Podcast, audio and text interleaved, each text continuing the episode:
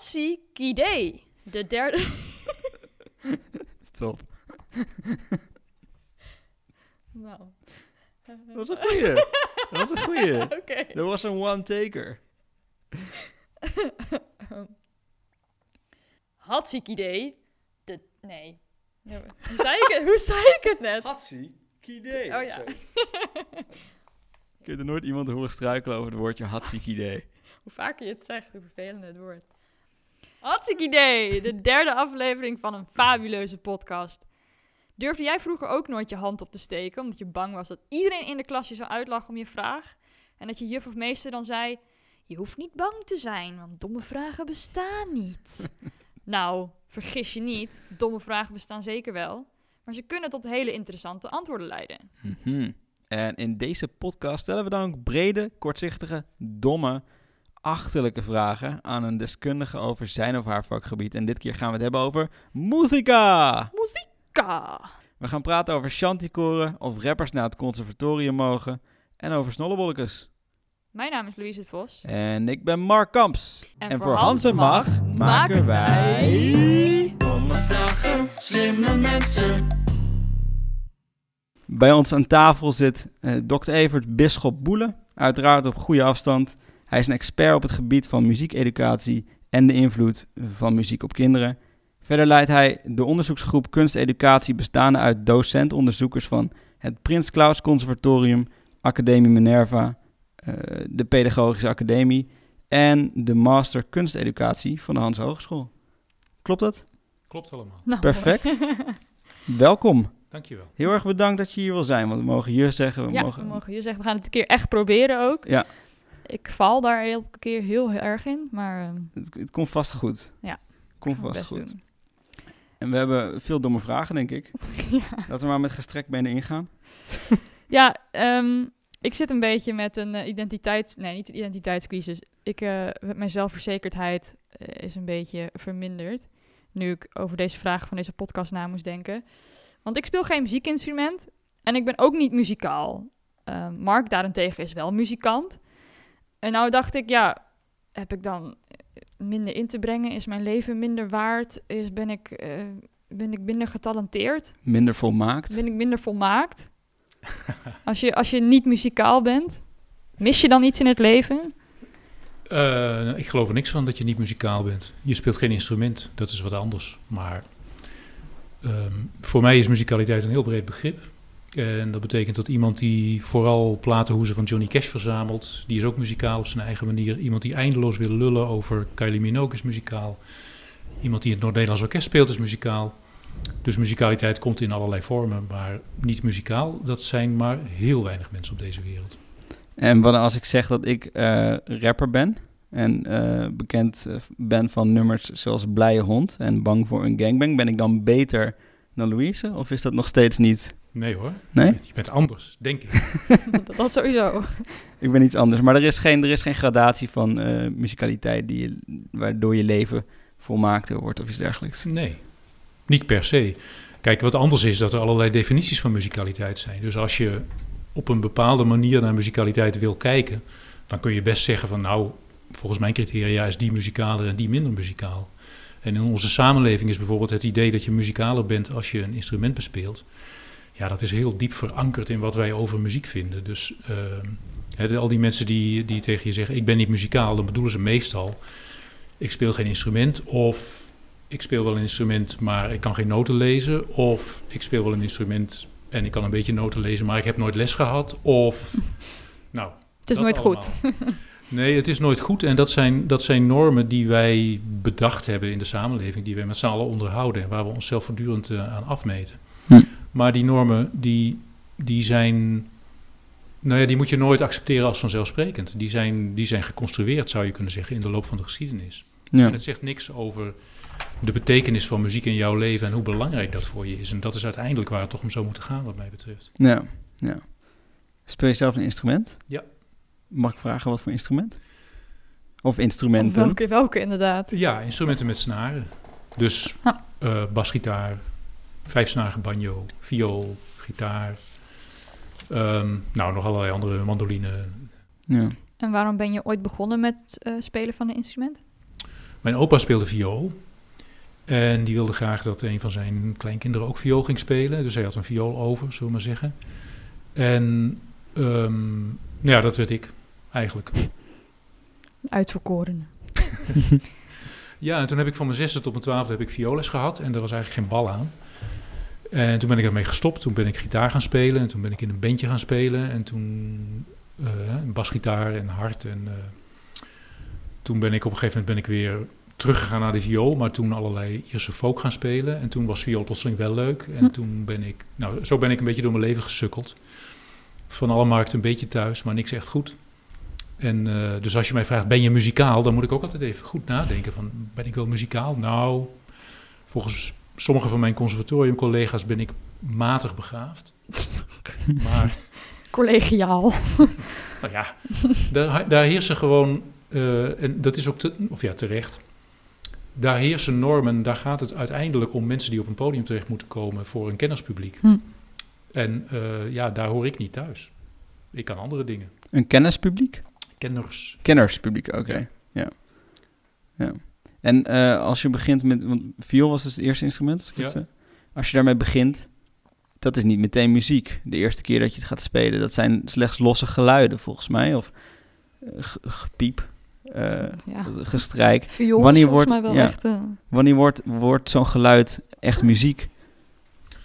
Ehm, ja, opnieuw, dat is, dat is maar net aan wie het vraagt. Als ik nu een zesjarig kind viool hoor spelen, dan vind ik dat meestal ook gepiep. Ik denk toen dat ik het best knap vond wat ik kon. En dat ik daar echt, eh, echt wel mee bezig was. En dat ik dat ook, eh, dat ik dat zelf wel als muziek hoorde. En ik denk zelf altijd maar, ja, als, als iets muziek is voor degene die, eh, die daarmee bezig is, laten we dan vooral ervan uitgaan dat het muziek is en niet iets anders. Ja. In onze research eh, kwam een filmpje tegen van je waarin je bij een man langs ging die op een zaag speelde. Ja. Dat, dat is muziek. Natuurlijk, Ja. Natuurlijk. Maar dan is het dus, wat is het, in the eye of the beholder wat muziek is. Dat is heel subjectief. Dat eh, als ik een auto zie rijden en ik hoor daar vroom vroom. En ik denk, weet je wat, dat geeft mij een muzikale vibe. Is het dan, is het dan muziek? Origineel, Mark, origineel. Doe er iets mee. Vroom, vroom. Vroom vroom. Maar er moet toch wel ergens een, een, een soort scheidslijn Ja. liggen. Nee, want het is net als met die... Met die eh, eh, je legt zandkorreltjes op elkaar en op een gegeven moment dan wordt het een zandhoop. Maar je kunt nooit precies zeggen wanneer het dat wordt. En dat Hm. is hier ook mee. Hm. Weet je, je kunt de grenzen oprekken zolang je wil. En zolang iemand zegt dat is muziek, dan is dat muziek. Maar als je lukraak zegt van eh, ehm, is een auto die door een straat rijdt, eh, is dat ook muziek? Dan zou ik zeggen, nee, niet per se. Tot er iemand is die vindt dat dat muziek is. Dan is het muziek. Ja. Is er dan wel een definitie voor wanneer muziek vals wordt genoemd? Ja, maar altijd binnen een stijl en binnen een genre. Dus als je klassiek speelt, dan kun je heel precies zeggen wanneer iets vals is. Maar ehm, een valse noot in, eh noem eens wat, romantische klassieke muziek, die is in Arabische klassieke muziek, is die eh, spatzuiver. Dus dat is maar, hè, dat, ja, het is net als, luistert naar Bob Dylan, kan die zingen? Ja, dat is een goede vraag. Ja, Ik hoor hem bij... volgens, volgens sommige zangers kan die absoluut niet zingen en volgens Hmm. eh, anderen kan hij dat wel. En ik denk zelf van, ja, ehm, is het belangrijk? Ja, om dat met z'n allen vast te stellen? ja, Is het een wedstrijd of, of gaat het erom Ja. dat hij iets te vertellen heeft? Ja. Ja, er zijn genoeg mensen die ervan genieten, dus eh, maakt het dan uit inderdaad. Ja, ik geniet er heel erg van. Ja. Dus, eh, En het, het genietaspect, maakt dat het dan... Is dat, is dat een soort van... eh, ja, dat kan van alles zijn. Weet je, eh, ehm, natuurlijk, mensen genieten van muziek, maar mensen gebruiken muziek ook voor hele andere dingen. Ze gebruiken muziek om eh, iemand te martelen, om hun ouders te pesten. Om, eh, dus ja. ehm, als muziek een bijdrage levert aan je leven, op wat voor manier dan ook, dan, dan, ja, dan is het blijkbaar waardevol en betekenisvol. Dus ja. Ja.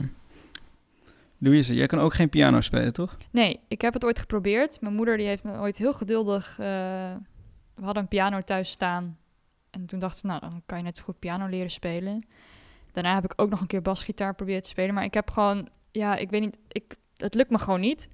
En toen dacht ik, ja, Beethoven kan het zelfs als hij doof, nou ja, was, is, niet, maar... Hoe kan dat? Waarom kan hij dat als hij doof is en ik niet gewoon nu? Waarom kan ik geen instrument spelen? Dus net zo'n lange De inleiding. frustratie We is hoog. Waarom kan je geen piano spelen? En- Waarom kan ik het niet? En, een dove Beethoven wel? Ja. Is er iets mis met mij? Kijk, blijf ik toch daarop terugkomen. Je wil nu graag dat ik een verklaring geef voor hoe het kan dat sommige mensen talentvoller zijn dan anderen of zich sneller ontwikkelen dan anderen. Of ik- ja, ik- of is, ligt het dan, eh, heb je daar een gen voor nodig? Is dat iets wat al in de eerste weken van je leven bepaald wordt of je later eh, daar ontvankelijk voor bent? Nee, ik, ik, ik geloof niet dat we daar één antwoord op hebben op dit moment. Er, en was een tijd dat we dachten dat is een talent en dat is aangeboren en dat, eh, dat heb je of dat heb je niet. Nu kijken we op een hele andere manier naar talent. We kijken talent eh, zien we veel meer als ehm, ja, ontwikkelingsmogelijkheden van iemand. En dat wordt gestimuleerd door zijn omgeving. Dus als iemand op een, op een slimme manier gebruik weet te maken van de context waar die in zit, dan, eh, dan kan die zich eh, ontwikkelen. Maar dat is ook wel heel erg afhankelijk van wat je meegekregen hebt. eh, vanuit het gezin waar je komt en wat je allemaal gehoord hebt. En, maar, maar dan nog, het is niet voorspelbaar. We kunnen niet voorspellen wie heel goed wordt en wie, wie, wie veel minder goed wordt. Nee. Het enige wat je kunt zeggen is dat er zijn mensen die bijvoorbeeld eh, het verschil tussen hoog en laag niet of nauwelijks horen. Maar dat, dat is een, dat, je zou kunnen zeggen, een defect in het brein of iets Mhm. dergelijks. Hè. Dat, dat is, dat is eh, ja, pathologisch klinkt meteen zo zwaar. Maar dat is een aandoening. Dat heeft ook een naam. Dat heet amusia. En dat zijn de mensen, maar dat zijn er maar heel weinig. Waarvan je kunt zeggen, ja, die zijn oprecht amuzikaal in de zin van dat ze daar geen, dat ze er niks mee kunnen. Nee. En dat, dat, ik, ik zou heel graag ook eens een keer zo iemand spreken. Ik heb nog nooit iemand gevonden die dat heeft, maar ze bestaan wel. En is er dan wel een eh, ideale leeftijd om te beginnen met muziek spelen? Nee, Dat Nee. kan ook nog als je 50 bent. Of als 70, je, 80. kan allemaal nog. Ja, natuurlijk. Behalve als je zegt, het gaat om uiteindelijk op het concertgebouwpodium terecht te komen. Ja, Ja. dan moet je niet op je zeventigste beginnen. Nee. Dan kun je beter wat eerder beginnen. Maar verder, dat is een van die mythes die ook enorm bijdraagt aan het idee van mensen dat ze onmuzikaal zijn. Dat het, het is te laat. Ik heb het altijd gewild, maar nu kan het niet meer. Hmm. Ja. Niets staat je in de weg als je 70 bent om een viooldocent op te bellen en te zeggen: Hoor, eens, ik wil graag viool gaan spelen en eh, kun je mij daarbij helpen? En vroeger zeiden veel viooldocenten van ja, dat is te laat, want eh, viool na je tiende, dat heeft geen zin meer. nu proberen we steeds meer mensen ertoe te verleiden om eh, hè, viooldocenten, mensen die we opleiden, om daar gewoon op in te gaan en te zeggen: Oké, Ja. vertel me wat je graag wil en dan gaan we kijken hoe ver we komen. Dat is, dat is toch een veel interessantere manier om met muziek op bezig te gaan. Ja, Ja. dat het niet voor echt een selecte groep mensen maar eh, weggelegd is. Nee, en mensen disqualificeren zich snel dat ze denken dat is niet voor mij of dat kan ik niet of dat Ja. eh, of het is heel moeilijk of eh, ik moet eerst noten leren, leren lezen. Ja, waarom? Waarom moet je? Wat, dit, dit is toch geen wet of zo? Staat toch nergens? Nee. Nee. Word je, word je uit, de, uit je omgeving, want je bent continu bezig met muziek natuurlijk, ook gewoon, blijf je geprikkeld worden? Of, Ehm, of is dat niet zozeer? Nee, ja, dat. de- pff, wat een ingewikkelde vraag. zeg. Sorry, het is helemaal geen domme vraag Nee, we ook. moeten een domme vraag stellen, Mark. Oké, domme vraag. domme vraag. Ja, Heb je liever, speel je liever één instrument heel goed of heb je heel, heel veel instrumenten matig? Ik speel liever heel veel instrumenten matig. Oké, nou, we ben- maar dat- Dat heeft gewoon te maken met het, het type muzikant wat ik ben. En er is niks mis met één instrument heel goed willen eh, leren spelen. Alleen, het is niet de norm. En het is niet, Nee. het is niet beter dan, eh, dan iets anders. Weet je, dat, dat, dat is het vooral. Ja. Eh, ik, ik rap, ik zei het in, eh, in het begin. Ik wil er niet nog een keer even op terugkomen en Ja. het te dik bovenop liggen, maar ik rap. Ehm, waarom vindt niet iedereen mijn muziek leuk? Eh, waarom is iedereen's muzieksmaak anders? Daar komt het misschien een beetje op neer. Waarom houdt niet iedereen van hip-hop? Waarom houdt niet iedereen van Mark? Het moet gewoon beter worden. dan komt het allemaal. Dan komt het wel. Houdt iedereen van je. Ja. Ja. Ja, dat komt omdat eh, iedereen een individu is en iedereen eh, op een andere manier opgroeit en iedereen door iets anders geraakt wordt. En uiteindelijk is ook dat, dat is, eh, voor mij is het een mysterie. Ehm, en dat vind ik ook wel fijn. En dat is, en dat is, ik weet nog toen ik die mensen voor mijn proefschrift interviewde, daar waren mensen die vertelden verhalen zoiets van, ja, ik was twintig en toen liep ik door de stad. Het was vijf uur 's ochtends en toen kwam ik langs een huis en daar stond een raam open en daar klonk muziek. En ik stond stokstijf stil en ik kreeg kippenvel en eh, het haar in mijn nek ging overeind staan en ik, de tranen in mijn ogen. Ik vond het zo mooi. Ik had het nooit eerder gehoord, maar ik wist vanaf dat moment, dat is de muziek waar ik de rest van mijn leven mee bezig wil zijn. Hm. En dat was Indiase klassieke muziek. Oh? En dat was een man die had dat nog nooit gehoord. Die, en dat was gewoon, dat kwam zo, kwam dat binnen. Ja. En dat is onverklaarbaar waarom dat zo is. En dat is, dat, dat is een mysterie. En ik, ik eh, ben zelf er niet zo van om dan te proberen dat te ontrafelen en dat te willen voorspellen en hoe dat zit en zo. Ik denk, accepteer dat maar. Dat is zo. En het is fijn dat er zoveel diversiteit is. Het is fijn dat mensen zoveel keuze hebben, dat er zoveel verschillende dingen zijn. En eh, dat heeft natuurlijk te maken met het gezin waar je uitkomt, naar wat je hoort, naar de mogelijkheden die je krijgt, naar het raam dat toevallig open staat om vijf uur 's ochtends eh, in Groningen. ehm, en, en ja, daar, daar komt dat uit voort. Ja. En dat, ehm, eh, wat, wat ik wel, wat er een beetje achter zit, dat is ons onvermogen om te accepteren dat dingen zijn zoals ze zijn en dat ze onverklaarbaar zijn. Wij Hm. willen alles verklaren en we willen alles voorspellen en we willen overal greep op hebben en we willen... Ik weet nog dat er, een, er werd een onderzoek gedaan naar André Rieu en daar, eh, in, in Maastricht natuurlijk. En ik dacht interessant eindelijk, er wordt eens een keer onderzoek gedaan naar Rieu. Hartstikke belangrijk, want die man, eh, dat is een van onze supersterren. En het doel van dat onderzoek dat was om erachter te komen wat het, de succesfactor van Rieu was, zodat eigenlijk dat we meer André Rieu's konden krijgen. Maar ik wist het antwoord al. Ja. De succesfactor van André Rieu is dat hij André Rieu is. Ja. En dat is dus ook niet te kopiëren, dat is niet te herhalen. En dat kun je ook niet. Je kunt wel van alles doen, maar uiteindelijk hangt het leven van toeval en van, van ja, eh, ehm, eigenaardigheden en incidenten aan elkaar. En dat, dat, ik vind dat mooi, ik hou daarvan. Ja. Ik, ik probeer me daarin te wentelen en in te baden en, en, en, en me te verwonderen over wat er allemaal gebeurt. Dus er is geen formule voor om een hit te worden. Ja, daar zoekt iedereen ook altijd Ja. naar formules om. Weet je, als die er zou zijn, dan was die al lang ontdekt en dan, Mhm. dan hadden we alleen maar hits. Maar dat is natuurlijk niet zo. Maar er zijn wel artiesten met eigenlijk alleen maar hits en dezelfde eh, plak- en uh, kopieer- en plaknummers. Ja, dat klopt, een tijdje. Ja, Ja, en dan Ja. houdt het op. ja. Dus er is geen uiteindelijke succesformule voor muziek. Nee. En de reden dat ik nog niet succesvol ben, is omdat ik geen andere Rieu ben. Van de rap scene. Ja, weet je. Weet je, misschien, misschien ben je succesvoller als je een hele goede producer zoekt die Ja. precies weet eh, wat een, eh, een groter publiek aanspreekt. Dat zou kunnen. Ja. Maar dan nog, als zij jou een garantie konden geven dat je, dat je een topartiest zou worden. Dat kan niet. Nee, Dat bestaat niet. Natuurlijk bestaat dat niet, want anders dan hadden we alleen maar topartiesten en mensen die stinkend rijk waren. En, en dus dat, dat eh, Ja. ja, zover zijn we niet. En ik denk ook niet dat we zover komen. Ja. Maar ik denk wel dat je met dat, wat je net over had, dat vroom vroom, daar ben je wel mee op een goed, goed spoor, denk moet ik weer even ik denk oppakken, dat je dat even ergens moet noteren. Ehm, ja, je weet dat er iemand heel beroemd is geworden met een stuk dat heet... eh, de exacte titel weet ik even niet, maar ik denk 3 minuten 22 of zoiets, John Cage. En dat bestaat gewoon uit 3 minuten 22 stilte. oh, nou, ook nog Moet hoop even- voor ja. je. Ja, dus het gaat nog weer een stap verder dan vroom Ja. vroom. Hè? ja.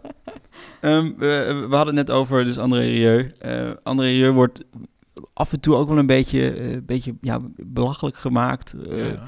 als, als het soort klassieke muziek voor, voor de gewone mens of iets Mhm. dergelijks. Eh, jij doet onderzoek naar Chanticore ook. Mhm. Eh, ja, hoe verhouden, ja, ik wil niet per se zeggen intelligentie, maar laten we voor het gemak zeggen intelligentie en muzieksmaak. Hoe, hoe is die verhouding met elkaar? Is klassieke muziek alleen voor hoogopgeleiden? Nee. Eh. Als er al een correlatie is tussen opleidingsniveau en muzieksmaak, so what? Ja, Betekent dat dat het minder is? Nee, het betekent dat het anders is. Er zijn mensen die meer van shanty houden en er zijn mensen die houden meer van vroom vroom en er zijn mensen die houden meer van drill rap en er zijn mensen die houden meer van klassieke muziek. ja, So what? Ja. Wat, waar het ergerlijk begint te worden is als wij met z'n allen, hè, wij, ons soort mensen, vinden dat eh, die mensen die naar drill rap ruis- luisteren of naar vroom vroom of naar jou of naar Chanticore, dat die iets verkeerd doen en dat die eigenlijk in de concertzaal bij het Noord-Nederlands Orkest zouden moeten zitten. ja, Dat, dat, ze, dat het een gebrek aan hun opvoeding en aan hun smaak is. Nou, dan gaat er iets heel erg mis. ja. ja. Eh, maar eh, je werkt voor het conservatorium. Eh, Mhm. Daar worden niet, geen chanticoorleden of muzici opgenomen. Dus ik zit in het hol van de leeuw. Ja, dat, dat is toch eigenlijk een beetje de, het elitaire bolwerk van de muziek dan, of dat niet? Eh, ja, zeker. Nog steeds. Ja, En een van mijn, eh, niet iedereen trouwens hoor, en, en, en men is zich er heel erg van bewust dat de wereld veel breder is dan Wij in Groningen doen we dan klassieke muziek en jazz. Nou, dat is voor een zeer beperkt publiek over het algemeen. En iedereen doet zijn uiterste best om dat voor een breder publiek toegankelijk te maken, om, allerlei crossovers te maken. Dus da- daar, die wil in die klassieke muziekwereld is er ook heel erg. Maar goed, als je er van buiten tegenaan kijkt, is het nog steeds zo dat we in Nederland wel HBO-opleiding op het gebied van klassieke muziek en jazz doen. Eh, sinds 20, 30 jaar doen we dat ook op het gebied van de popmuziek. Maar er is inderdaad niet een HBO-opleiding voor eh, een chanticoor-dirigent of zo. Ja. Nou ja, Dus- voor hip-hop. of Voor hip-hop, Ja. nou ja, Ja. de- de- ja, dan moet je nu moet je in het MBO kijken eerder dan in het HBO. Volgens mij heb Maar je dat Herman komt vast Brood ook wel, maar. Ja, weet je, dat heeft allemaal te maken uiteindelijk met machtsposities en met eh, ehm, eh, de relatie tussen smaak en macht. En, tussen, en eh, nou ja, in moeilijke woorden zeggen wij dan dominant discours. Ehm, en dat speelt natuurlijk een rol. Ja. En mijn taak in een conservatorium is voor een deel dan ook. Ik, ik, ik zeg altijd, ik sta er met één been in en met één, één been erbuiten. Ik doe niet voor niets onderzoek naar een chanticoor. Ik had ook onderzoek kunnen doen naar het Noord-Nederlands Orkest.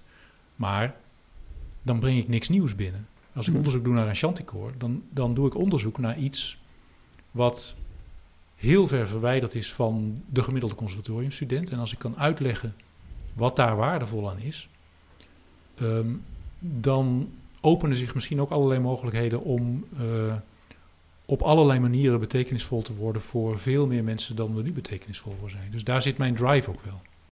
Heeft u een huisdier? Ik heb vissen. Speelt u daar wel eens een mooi melodietje voor? Nooit. Nee? Nee. Huisplanten? Ik heb ook kamerplanten, ja. En daar ook nog nooit een mooi melodietje voor gespeeld? Nee. Het- Het komt niet op de vraag in hoeverre genieten dieren en planten daadwerkelijk van muziek. Ja, dat moet je dieren en planten vragen. Ik weet het niet. Nou ja, ik, ik, wat, ik heb een kat en eh, op YouTube kan je ontelbaar veel filmpjes vinden met acht uur durende muziekstukken voor speciaal om katten te laten ontspannen. Ja, Wat, hoe, ga, hoe reageren dieren op muziek? Is daar wel iets over bekend? ja daar is wel iets over bekend. Er is, eh, hoe heet die, Henk-Jan Honing, die doet, eh, die doet daar onderzoek naar. Pardon. En dat, dat, hij doet dat om te snappen waar ehm, muziek evolutionair vanda- eh, gezien vandaan komt. En hij, ehm, eh, hij vindt muzikaliteit iets over het algemeen wat typisch menselijk is en wat dieren dus niet bezitten. Maar hij vindt ook uitzonderingen. Er is een bekend filmpje van een, een papegaaitje of een pakiet of zoiets, die in de maat meedanst met muziek. En dat kunnen dieren kunnen dat eigenlijk niet. Die kunnen niet in de maat.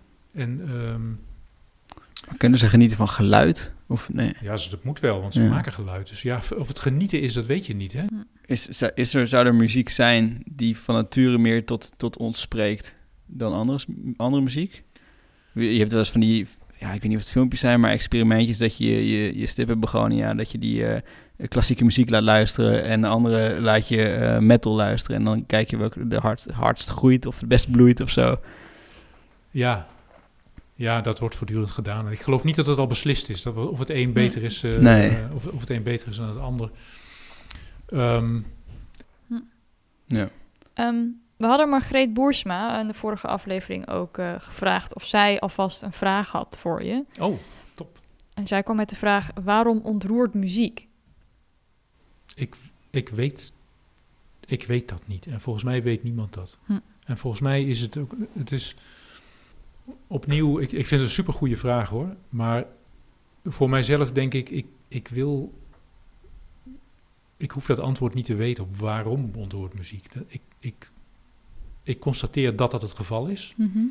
En ik wil heel graag snappen hoe dat zit bij andere mensen. Hoe dat zit bij de een, hoe dat zit bij de ander. Ook wel waar die verschillen vandaan komen, hoe mensen daarover praten. Dat, ik wil heel graag begrijpen hoe muziek ontroert. Maar waarom dat dan is, ik ben er niet achter gekomen. En mensen kunnen dat zelf ook niet precies verklaren. En eh, heb je Spotify? Ik heb ook Spotify. Eh, doe je dan ook aan het einde van het jaar altijd zo'n overzicht? Van wat je Ja. dan het en wat heeft u het afgelopen jaar het meest geluisterd? Ik denk dat het Jason Isbell was. Dus opnieuw een Amerikaanse singer-songwriter. Redelijk stevig af en toe, maar ook wel eh, echt eh, weet je, een gitaarliedje. En het genre wat, wat je dan het meest geluisterd hebt? Ja, ik denk Amerikaanse country. Americana, dat. Eh, Beatles staan er altijd in. Eh, Dylan staat er dus in. Ehm, ik denk eh, dat het afgelopen jaar misschien Hay- Haydn of... ehm, ik heb veel Haydn geluisterd. En ook wel... Ja, misschien... nou, Monteverdi of zo. Ik weet niet. Nou, wisselt een beetje. Ja. Wel. In de eerste aflevering eh, van onze show vertelde psycholoog Erik Blauw ons dat, dat drugs en alcohol geen positieve invloed zijn voor het maken van muziek. Eh, toch lijkt het redelijk onlosmakelijk verbonden, eh, het, het een met het ander in ieder geval. Dus zonder drugs hadden we eigenlijk nooit nummers als Waske Bird of The Beatles, Lucy in the Sky with Diamonds gehad. Mhm. Ehm, hoe kijkt u daarnaar? Ja, ehm, dat is zo. Ja. Dat i- dat- en eh, en ehm, wat, ik, ik weet niet precies wat je er verder van moet zeggen. Wij doen soms alsof muziek een, eh, het domein van het mooie en het goede en het schone is. En dat zich dat niet verhoudt met, ehm, met drugs of met moord en doodslag. En dat, hè, dat, dat dat twee gescheiden domeinen zijn. Maar dat is natuurlijk helemaal niet zo. Muziek is gewoon onderdeel van het leven. En dat wordt gemaakt door mensen die eh, drie keer per dag de marathon lopen. En het wordt gemaakt door mensen die heroïne in hun aderen spuiten. Ja. En ja, het Maar- komt allebei voor. Muziek wordt niet beter wanneer je drugs gebruikt of, of alcohol. Of wanneer... Het is niet dat wanneer het Urkermannenkoor een paar, eh, paar lijntjes doet, dat het dan in één keer geweldig wordt. Nee, Nee. nee, niet. Maar het kan wel zijn dat er muziekstukken zijn die onder invloed van drugs ontstaan zijn, die anders eh, er niet waren geweest en die, die, die super interessant waren, of zijn. Even, ja, weet ik veel. ehm, natuurlijk, sommige nummers van de Beatles, of het maakt niet uit wat. Het is eh, eh, hè, de, eh, ehm, Kurt Cobain, Ja. die ontzettend kwade, heftige muziek, die was er misschien niet geweest als die niet zo enorm aan de, aan, aan, aan de pillen en de heroïne was geweest. En dan hadden we ook wel weer wat gemist. Ja. Maar ja, ik ga natuurlijk niet propageren dat je, dat je aan de drugs moet om goede muziek te maken. Maar er is her en der is er natuurlijk een, een relatie. Ja. Wat, wat iets anders is en wat, eh, wat, wat ook wel echt een, een punt is, dat is professionele muzici. Die moeten soms zo onder druk presteren eh, en die hebben zoveel last van, van die druk en van zenuwen en van, eh, weet je, dat, dat die om te kunnen presteren niet anders kunnen dan naar de beta-blokkers grijpen of naar, of weet je, en dat is, maar dat zegt niet zoveel over de muziek, dat zegt iets over een doorgeschoten beroepspraktijk Ja. waar, waar, we, waar we iets mee moeten. Maar, en dat bestaat ook. En da- dat is een hele kwalijke relatie tussen, tussen muziek en, eh, en drugs. Maar dat heeft eigenlijk niks met muziek te maken. Dat heeft gewoon te maken met onze maatschappij van presteren en excelleren. En dat het altijd beter en altijd meer en altijd mooier moet. Ja. Ehm, kinderen spelen geen instrument omdat hun ouders denken... eh, dat, dat kan alleen als je ook les krijgt op dat instrument... en eh, naar de muziekschool en, eh, en eh, noten lezen en eh, dat zeg maar. En dan vergeten van nee, maar je kunt ook voor een tientje een ukulele in huis leggen... en dan kijken wat er gebeurt. En het is niet erg als dat kind daar mee omrotzooit... want dat, dat legt de bodem voor, eh, Ja. voor een, ja, een potentieel betekenisvolle omgang met muziek. Zonder dat het meteen hoeft te leiden tot eh, het podium van het concertgebouw. Ja. ja. Alleen echt wanneer je amusia hebt, dan gaat het hem niet worden. Nou, daar ben ik dus heel nieuwsgierig naar, want amu- amusia bestaat dan ook weer in soorten en maten. Maar dat, dat, dat kan dus. Ja. Er zijn, ik, nogmaals, ik ben ze niet tegengekomen, nog. Ik zou er ontzettend in geïnteresseerd zijn om te Hm. weten hoe dat is. Omdat ik ook wel, kijk wat natuurlijk ook zo is, daar hebben we het helemaal niet over gehad, nog. Maar muziek speelt dus een rol in het dagelijks leven van vrijwel iedereen. En dat is bijna altijd ook een belangrijke rol. Het is een rol die popt op als je, eh, als je jezelf wil reguleren. Dus als je, als je moet slapen, maar dat niet kan. Of als je gaat trouwen. Of als er een kind geboren wordt. Of als er iemand doodgaat. Of als er, een- zeg maar, op, op de moeilijke en de intensieve momenten van het leven. Dan plotseling, dan komt die muziek tevoorschijn. Ja. En dat geldt ook voor iedereen. En, en ehm, dat is natuurlijk wel een sterk argument om te zeggen, wij moeten daar als samenleving, moeten we daar ook, eh, daar moeten we een eh, eh, maximale mogelijkheden creëren voor mensen om die rol, die belangrijke rol die muziek blijkbaar heeft in het menselijk leven, om die ook maximaal toegesneden op wat jij graag wil en wat jij kan en, wat jij, en, en wie jij bent, om, om, om dat te, te verwezenlijken. En Ja. dat doen we soms wat weinig, vind ik. Als wanneer, ehm, ja, het schiet mij heel erg in mijn hoofd dat mensen heel snel het Tros Muziekfestival bekritiseren, terwijl daar genoeg mensen van genieten. Sorry, welk festival? Tros muziek, eh, het muziekfestival van de, Tros, of, eh, of de Toppers bijvoorbeeld, of iets dergelijks. Dan kom je bij volksmuziek uit. Ja, Eh, maar dus- dat, dat heeft net zoveel impact, in principe. Dat is wat u zegt, toch? Ja, dat is, natuurlijk is dat wat ik zeg. Ja. En dat geldt, weet je, dat geldt voor mijn Chanticoor ook. Daar, daar, wordt, daar wordt toch wel soms ook neerbuigend over gedaan. Eh, vanochtend nog zat ik in een bijeenkomst en daar, daar, nou, dat was dan wat lollig en zo. En dat werd een beetje, eh, een beetje afgedaan als eh, van, nou wat grappig dat je daar onderzoek naar doet. Maar dat is voor mij is dat helemaal niet grappig. Nee. Ik ben oprecht geïnteresseerd in die mensen die naast mij in het koor staan. En wat dat met hun doet. En ik weet, omdat ik nou zes jaar in dat koor zit en met die mensen praat en probeer te snappen wat ze doen en dat ook zelf meemaak.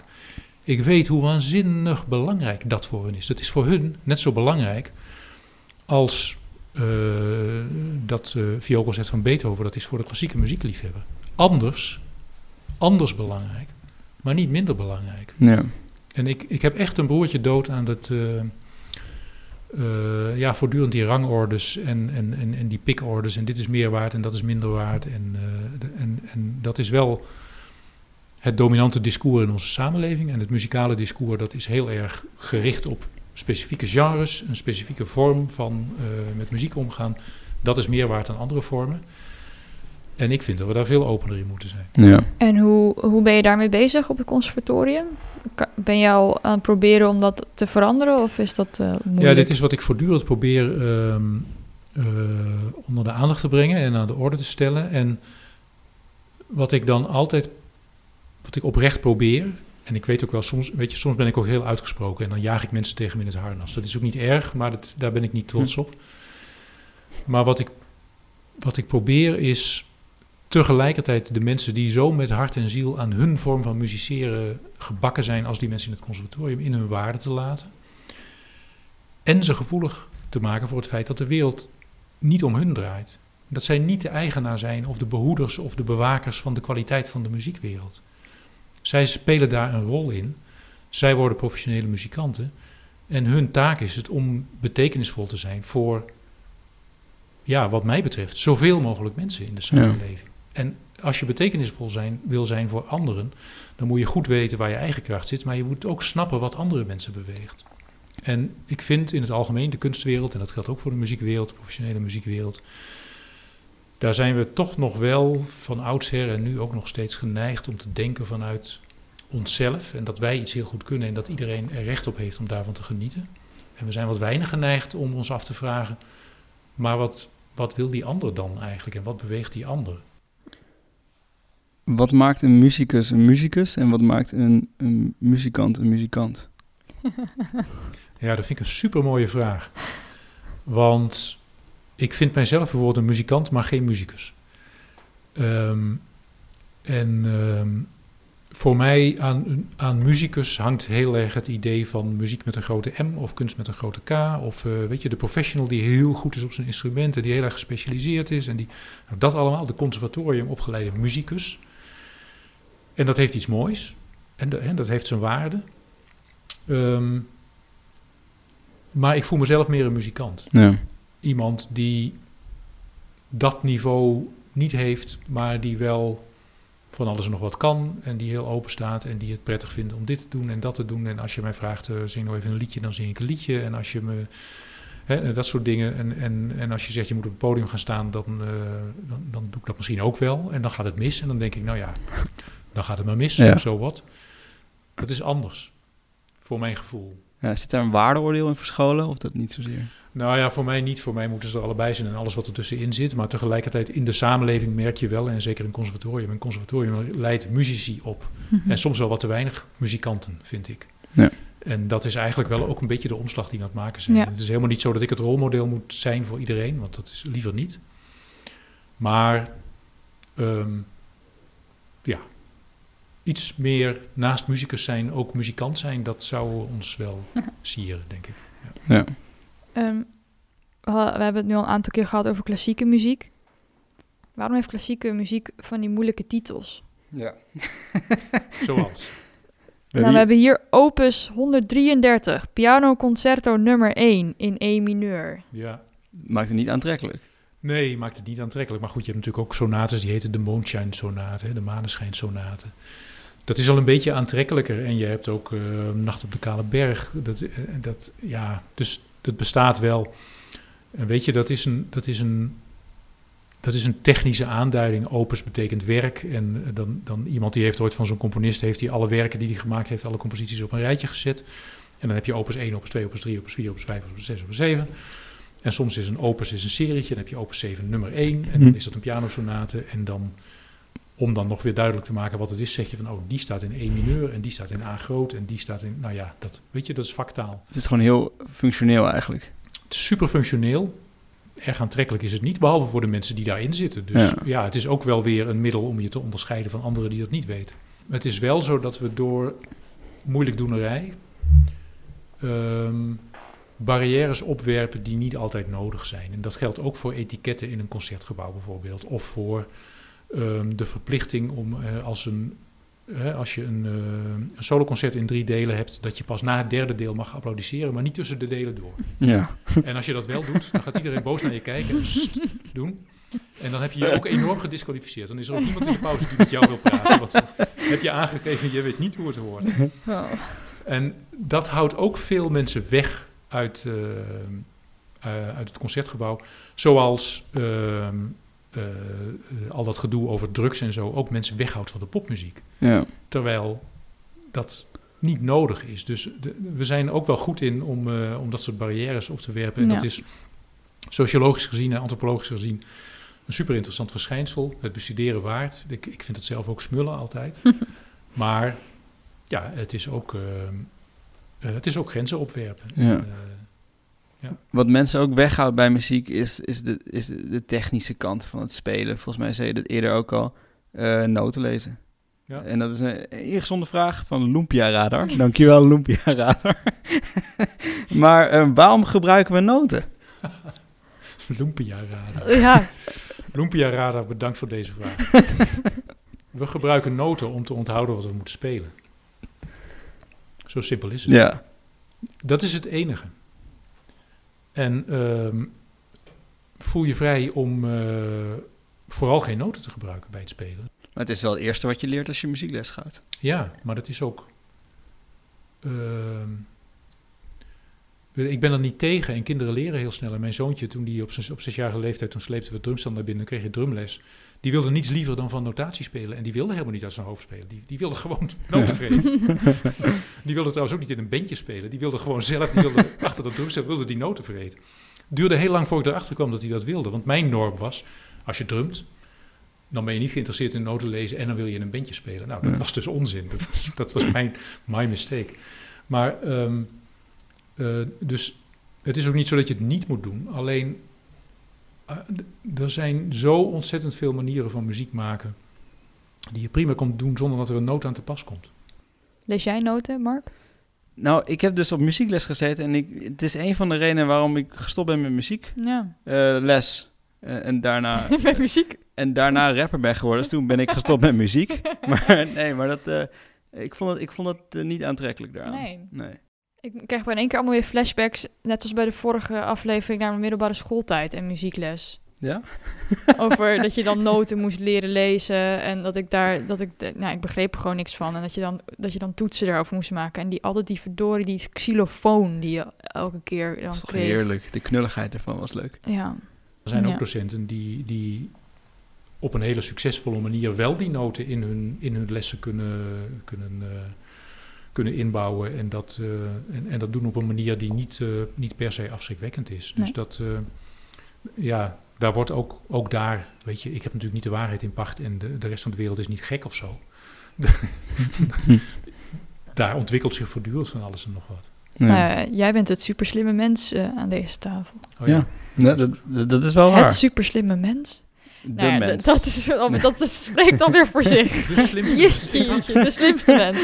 Ik had Wauw. verwacht dat jullie mij een vraag gingen stellen over de relatie tussen intelligentie en muziek. Komt die nog? Hebben we dat niet gedaan? Ja, nou ja, wa- wat is de verhouding tussen eh, intelligentie en muziek? Ja, dat hebben, we, hadden we hebben, we wel aange, aangesneden. Oh, Oké, nou We ja. hadden misschien iets anders gevraagd. Eh. Hoe verhouden muzieksmaak en intelligentie zich tot elkaar? Oh ja, dat hadden ging over gevraagd. smaak, ja. ja. Ja. Nou ja, ik, was wel, ik dacht, het is nog wel interessant natuurlijk om, te, om eh, ehm, even in herinnering te roepen wie de slimste mens is dit jaar. Snollewolkes. Ja, nou ja. ja. Een muzikant. Ja. Ja? Beter bewijs dat muziek slim maakt. wat Erik Scherder, onze nationale neurocognitoloog, eh, beweert. Eh, eh, nou ja, dat het zo is. Ja. Nou ja, überhaupt dat we inderdaad verbaasd zijn over het feit dat, dat hij dan kan winnen. Waarom Ja. zouden we daar in eerste instantie überhaupt verbaasd over moeten zijn? Omdat Ja. we dus al een associatie maken bij zijn eh, werk. Dat hij eventueel niet slim zou zijn of zo. Ja. Ja. Dat is al We gaan er wel... voetzoos van uit dat iemand die dat soort muziek maakt, Ja. dat hij niet slim is.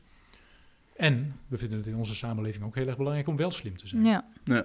Hm. Ja, Wij zijn in ieder geval heel blij dat jij wel hele slimme dingen hebt gezegd deze aflevering. Ja. Ja. en, en dan komen we eigenlijk bij de vraag: eh, wil je nog iets super, super slim zeggen? Iets, ehm, ja, een misverstand aankaarten of, of eh, Ons nog iets extra's leren of iets meegeven ja, aan de luisteraars. Ja, en dat mag overal over zijn. Mag ook eh, schaamteloze zelfpromotie zijn voor een onderzoek of een boek of een... eh, Ja.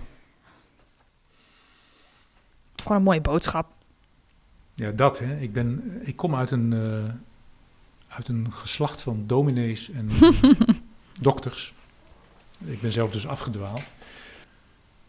Probeer, probeer de ander gewoon te snappen. Dat is het enige wat van ons gevraagd wordt. En vervolgens, als we die ander snappen, probeer daar dan op de een of andere manier een manier van samenleven mee te vinden die werkt, zodat we elkaar niet de hersens inslaan. Als we dat met z'n allen bereiken, dan zijn we al een heel stuk verder. En ehm, dat begint ook bij zoiets simpels als gewoon proberen te snappen waarom iemand anders naar heel andere muziek luistert dan jou, dan jij, pardon. Zonder dat je onmiddellijk denkt, eh, oh, dan zal die ook wel dom zijn, of eh, dat is eh, onbegrijpelijk, of die heeft een slechte smaak, of die, weet je. Gewoon simpelweg je verplaatsen in een ander, proberen te snappen wat iemand beweegt. Als we dat een beetje zouden proberen, zou ik heel fijn vinden. Ja. Hm. Super slim. Nou, dat is de derde super slimme opmerking die Ja, ik. eh, ja. Dat is een mooie, mooie opeenvolging van super slimme opmerkingen in die, al die afleveringen. Ja. Ja, en dan eh, hopen we dat we volgende keer eh, een gast hebben die ons wat meer kan vertellen over ICT en computers. En dan gaan we ook aan jou de vraag stellen die we ook aan Margreet hebben gesteld. Heb jij een domme vraag voor iemand die verstand heeft van ICT? Dat is heel erg on the spot nu, hè? Nou ja, de pauzes knippen we er allemaal tussenuit. Lijkt me verstandig, daar moet ik even diep over nadenken.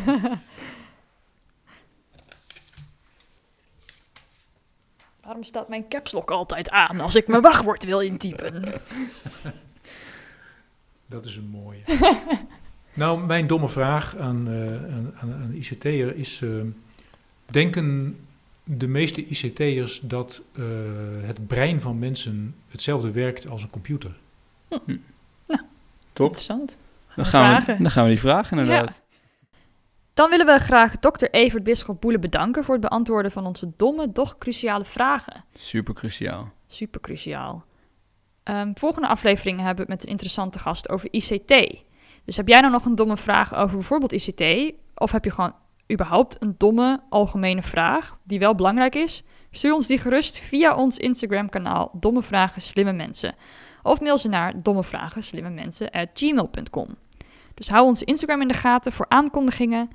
En dan was dit alweer de derde aflevering van Domme Vragen Slimme Mensen, gemaakt door ons, Louise de Vos. Eh Mark Kamps. Dus bedankt voor het luisteren. Joehai. Joehai. Joehai. nou, top.